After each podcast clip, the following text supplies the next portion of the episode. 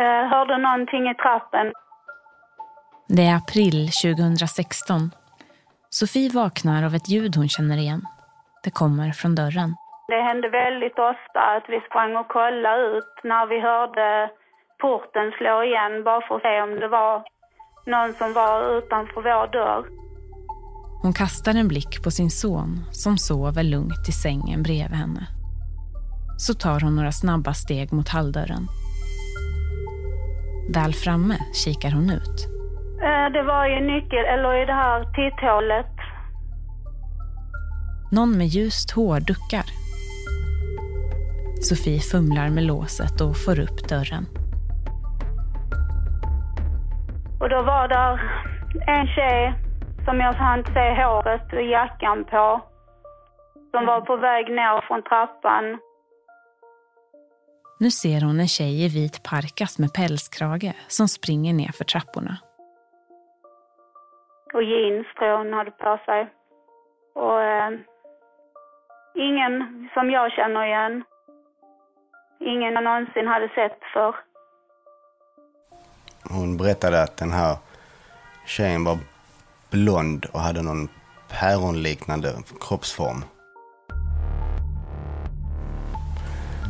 Och så fort Sofie öppnade dörren då sprang ju de här i full fart ner. Sofie svär över att hon inte kan springa efter. Hon kan inte lämna sitt sovande barn. Men hon rusar fram till vardagsrumsfönstret och kollar ut. Och sen när jag tittade ut genom fönstret i vardagsrummet så stod det en annan tjej på andra sidan gatan. Så hon hade aldrig fattat dem eftersom vår son låg i lådan inne i lägenheten. Sofie kastar ett öga bort mot ytterdörren när hon traskar tillbaka mot sovrummet. Och där ligger det. På dörrmattan. Ännu ett brev. Du lyssnar på en mörk historia om stringtrosehoten av mig, Josefin Patzauer. Det här är den andra av tre delar. Del två. Kniven på mattan. Det kom ändå hotbrev mot min familj. Så att jag ville ju såklart ha reda på vem personen var. Det ville jag. Sofie och Kristoffer har sedan ett och ett halvt år tillbaka fått brev, trosor och blommor skickat till sig från en anonym brevskrivare. Vissa brev har varit flörtiga, andra har varit hotfulla. Brevskrivaren har antytt att den har haft en relation med Kristoffer. Han har till slut erkänt för Sofie att han har haft en nätflört med en barndomskompis som heter Frida. Så när Sofie berättar för Kristoffer om tjejen hon sett i trappuppgången så börjar Kristoffer lägga ihop ett och annat. Hon såg ju aldrig ansiktet. Hon såg bara liksom att det var en blond tjej. Men just den blonda var en päronliknande kroppsform. Tänkte du då att det lät som att det skulle kunna vara Frida? Just den kroppsformen, ja. Och Hon, hon var blond då också. Och då misstänkte jag ännu mer att det kunde vara Frida. Dagen efter Sofie såg tjejen springa ner för trapporna kommer det ett brev. Det var nära ögat igår, koffegubben. Är sambon sur nu när hon vet att jag finns? Vet nämligen att hon hann se mig. Kommer du ihåg mig och mina boobs nu, som du ville ha bilder på? Tror jag garanterat att du gör, om hon nu berättade hur jag såg ut.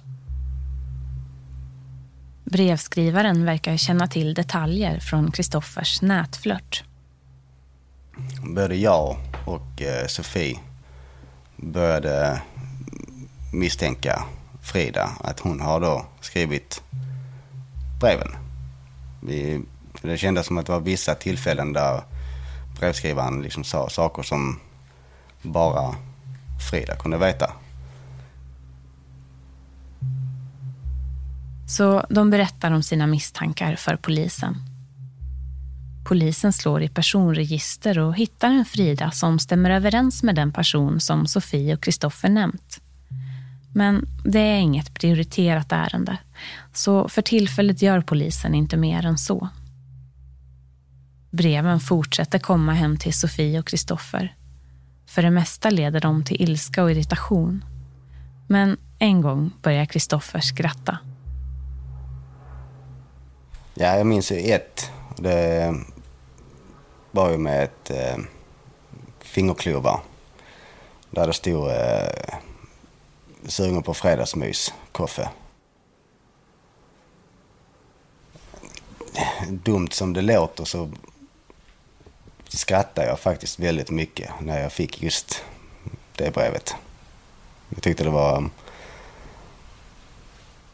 irriterande men ändå väldigt roligt. Jag var den enda som skrattade. Sofie skrattade inte alls. Hon tyckte det var eh, jättejobbigt. Men några dagar senare fastnar skrattet i halsen på Kristoffer. Och eh, det var en dag när hon skulle gå ut med vår son. Så låg det en kniv precis utanför. Och den var tydligen dränkt i eh, klorin. Så det fanns inga fingeravtryck, ingenting. Kniven på dörrmattan bär en lapp med Sofies namn. Det är Sofie som hittar den. Hon drar igen dörren, vrider om låset och ringer till polisen. De skickar genast dit en bil. Så det var en patrull som åkte ut och hämtade in kniven och fick brevet. Ja, det kom ett brev också. Sofie är ensam hemma ofta. Hon kanske råkar illa ut. Ensam tjej, lätt byte. Och det är ju alltid en allvarlig sak att få en kniv hemskickad. Det är ju ett, verkligen ett direkt hot. Det är nu det börjar bli hotfullt. Ja, vi får hem brev där det står att om vi går ut och sätter oss i bilen så är det inte säkert att den fungerar som det ska. Och eh, att de har sett oss genom fönstret och att han lämnar mig ensam hemma och att jag kan råka illa ut. Hoten i breven riktas mot Sofie. Ja, precis. Jag blir rädd såklart. Och eh, anmäler även detta. Och allting samlas in av polisen som kommer till, hem till oss. Och eh, min pappa som jobbar ute i området där vi bor, de eh, försökte hålla koll på folk som rörde sig i området då i trappen där ute. För nu är Sofis föräldrar riktigt oroliga. Hennes pappa tar vägarna förbi deras adress så ofta han kan. Han spanar efter personer som beter sig avvikande eller som försöker ta sig in i porten. En dag ser han några tjejer som verkar skumma. De sitter på varsin ända av en bänk och stirrar ut i luften. De bär solglasögon, fastän det är mulet. En av dem följer honom med blicken. Han berättar om sin iakttagelse för Kristoffer och Sofie. Och de funderar på om det kan vara Frida han har sett. Hon som Kristoffer hade en nätflört med. En annan gång står Sofies pappa gömd bakom hisschaktet i deras trapp under gryningstimmarna. Ja, hennes pappa var med. Eh, kommer inte ihåg om det var... Jag för mig han satt nästan ett helt... Nej, nej inte ett helt dygn. Jag kommer inte ihåg. Men han satt jättelänge i alla fall. Och spanade och spanade, men då kom det aldrig något brev. Det finns en sak förutom mysteriet kring vem det är som lämnar breven som ingen riktigt kan klura ut. Hur kommer personen in i trappen? I just det här bostadshuset behöver man ha en tagg för att öppna porten. Det finns ingen portkod. Och saknar man tagg så måste man ringa på hos en granne för att bli insläppt. Jag kommer ihåg att jag kokade kaffe som jag skulle ha kaffe. Jag visste inte hur länge jag skulle sitta där. Kristoffer bestämmer sig för att hålla span. Istället för att åka till verkstaden ställer han sig vid tågstationen. Där har han perfekt uppsyn över porten. Jag hade ju stenkoll på just trappuppgången. Stenkoll hade jag. Det var ingen som kunde komma in utan att jag såg om det kom någon. Sen vet jag om att eh, min mamma har också varit där och spanat. Hon är ju jättenyfiken av sig som person. Så hon, hon vill ju nu mest av allihopa, förutom vi då, ha reda på vem den här personen var. Så nyfiken som hon är. Inom familjen försöker de ordna så att de kan lösa av varann i spaningen. Men en morgon skiljer det en kvart mellan det att Kristoffer går till jobbet och att nästa spanare kommer. Och sen ringer Sofie och säger att det har kommit ett brev. Och då har brevskrivaren varit där med ännu ett hotfullt brev. Hörde ni Sofies klocka ticka utanför sovrumsfönstret i lördags natt? Vi fanns där ute. Du tar det säkert som ett stort skämt, Koffe, men vänta bara. Sofie ska få betala för vad du gjorde mig. Det verkar som att brevskrivaren har span på dem. Sofie gör det väldigt enkelt för oss. Från klockan två i natt har hon stått i både köksfönster och sovrumsfönstret i sitt gråa urringade linne.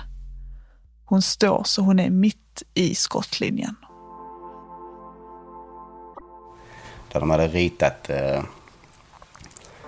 ett kikarsikte med hennes huvud eh, insiktat i pannan. Och det, där börjar jag mena på att nu går det över gränsen.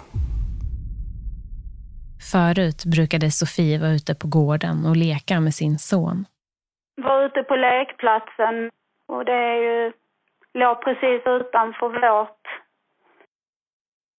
ja, vår trappuppgång. Men nu vågar hon inte längre gå ut själv. Jag var mycket eh, inomhus med min son. Jag var rädd, helt enkelt. Nu vill Sofie och Kristoffer ha reda på vem som hotar henne så att polisen kan sätta stopp för plågan.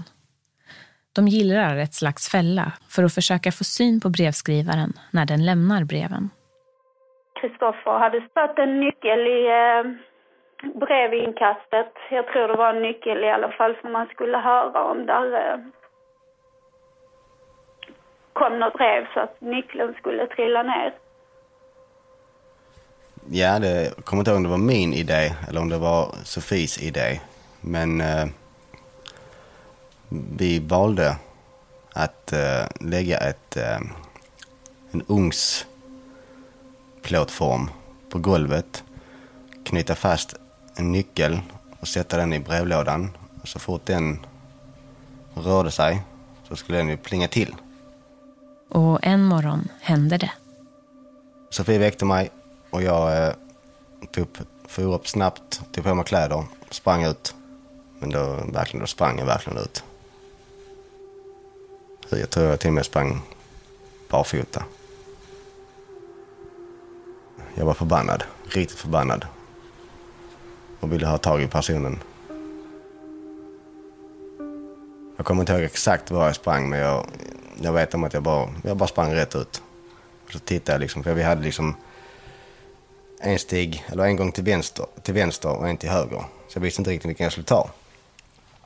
Jag har för mig att jag bara sprang utan att tänka mig för. Men eh, jag hittade ingen. Det var tomt. Under hela den här tiden har Sofie och Kristoffer bara en misstänkt. Och det är Kristoffers nätflört Frida. Hon är blond, har päronformad kropp och hon är den enda som rimligen kan veta vad hon och Kristoffer har skrivit om. På polisstationen har utredaren Marie Berntsson nu börjat gå igenom den information som finns i ärendet. Till en början blir hon överväldigad av mängden. Det här var ju jättejobbigt. Det var ju så stor kvantitet på allting och det var ingen som hade haft tiden att gå igenom alla sakerna. Så jag kände mig stressad och jag kände mig att att eh, det här måste jag verkligen sätta mig in i för att det ska bli bra. Eh, så det var både lite stress och lite ångest. Eh, för man vill ju göra ett bra jobb och man vill ju att ehm, rätt person ska bli dömd för det. Att det inte blir några felaktigheter. Det första hon gör är att åka till beslaget för att se alla inlämnade brev med egna ögon och fotografera av dem. När man stod med de här breven och skulle försöka tyda dem så är det ju som att eh, ja, det, det, var jättesvårt att tyda. Där är ingen eh, stor bokstav, eh, där är inga punkter, där är utropstecken ibland. När jag läste det först så kändes det som att antingen är det ett barn som har skrivit detta eller så är det någon som har skrivit, förställt sin handstil. För det var Vissa grejer var oläsliga om man bara läste det. Eh, så det var eh, både det och kvantiteten av det var ju väldigt överväldigande först. Och breven fortsätter att komma. Sofie är alltid noga med att meddela Kristoffer så fort det dyker upp nya saker. Hon skickar foton på breven eller blommorna och smsar om hon sett något som hon uppfattar som udda. Hon vill att han ska veta hur påfrestande det här är för henne. Men till slut orkar hon inte längre. En morgon när hon kliver ut i hallen ligger det ett brev på dörrmattan. Hon vill inte ens öppna det. Hon berättar inget för Kristoffer och hon meddelar inte polisen. Hon tar brevet och går in i sovrummet. I ett hörn står en röd liten byrå fylld med sonens kläder. Hon drar ut lådan längst ner och gömmer brevet under några pyjamasar.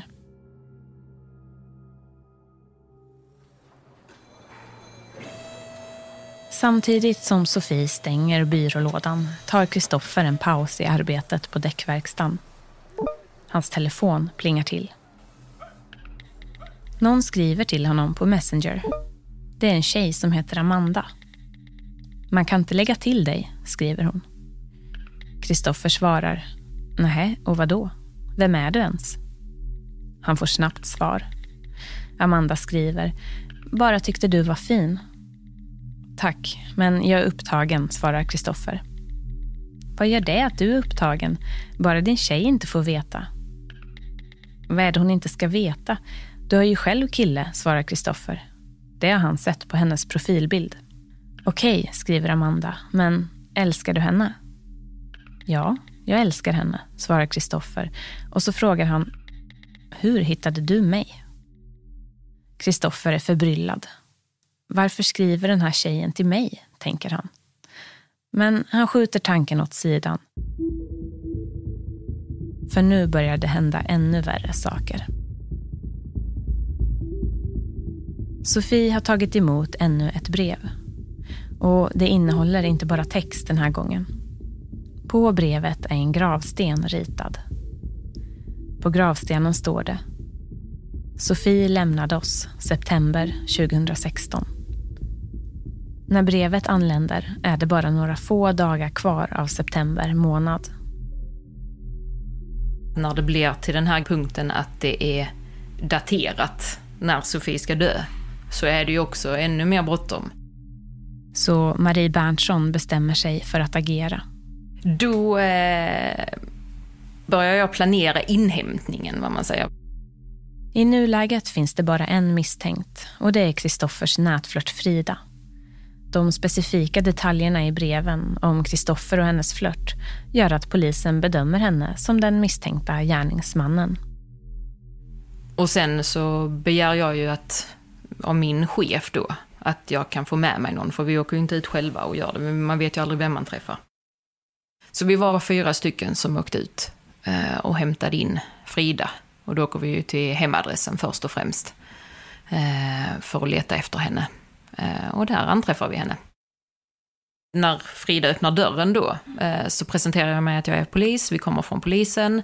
Ehm, vi har en, eh, ett beslut om att hämta in dig till, till förhör. Men att hon måste följa med oss. Ehm, samt att jag kan inte säga eh, vad du är misstänkt för, utan det får du reda på när vi kommer till stationen och du har rätt till liksom en, eh, en försvarsadvokat. Och mer kan vi egentligen inte säga. Mer än att ja, men vi kommer ta din dator i beslag, din mobiltelefon och sådana grejer. De är fyra civilklädda poliser som klampar in hos Frida. Hon blir jätteförvånad, hon blir jättechockad när vi kommer in. Hon var aldrig irriterad, jag tyckte aldrig hon var arg på oss, utan det var mer att hon var chockad. Frida sätts i baksätet på polisbilen och blir körd till arresten. När hon sitter inlåst ringer Marie Berntsson till Sofie och Kristoffer och meddelar. Att hon är inne nu, ni kan vara lugna. Eh, ni behöver inte oroa er, för de var ju väldigt rädda. De blev ju jättelättade. Eh, vad jag kunde höra över telefon i alla fall. Jag kände ju mig lättad att det kanske skulle ta ett slut, få ett slut.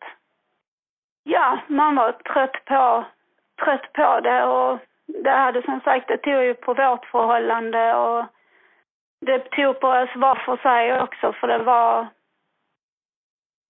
ja, det var jobbigt helt enkelt. Det är en nöjd Marie Berntsson som cyklar hem från polishuset den eftermiddagen. Men det är ju alltid en skön känsla när man tror att man har förhindrat någonting. Med tanke på hur det såg ut med gravstenen och allting sånt så var det ju ändå, ja men nu måste vi göra detta snabbt, det gick smidigt, det blev liksom inget bråk, det var eh, och så. Eh, men sen är det klart att tankarna snurrar. Eh, för nu ska man ju förhöra alla människorna igen, man ska plocka in vittnen. Vart kommer den här utredningen leda? Kommer det leda någonstans? Finns det några bevis? Så det är alltid många tankar som snurrar efter att man har gjort en sån sak. Men också att man var lite, okej, okay, men nu har vi fått in henne, nu vet vi var hon är, vi vet var de andra är. Så, nu börjar vi på ny kula, nu kör vi liksom nya tag.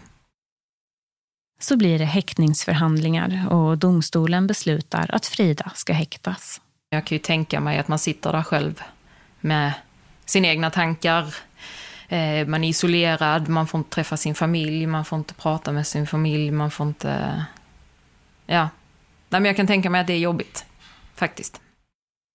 Med Frida som misstänkt gärningsman, nu bakom lås och bom, börjar Sofie och Kristoffer andas ut. År av hot, osäkerhet och förföljelse är äntligen över, tänker de. Men sen helt plötsligt så hade det kommit ett brev ändå. Med ett rakblad i. Du har lyssnat på den andra av tre delar av en mörk historia om stringtrosehoten.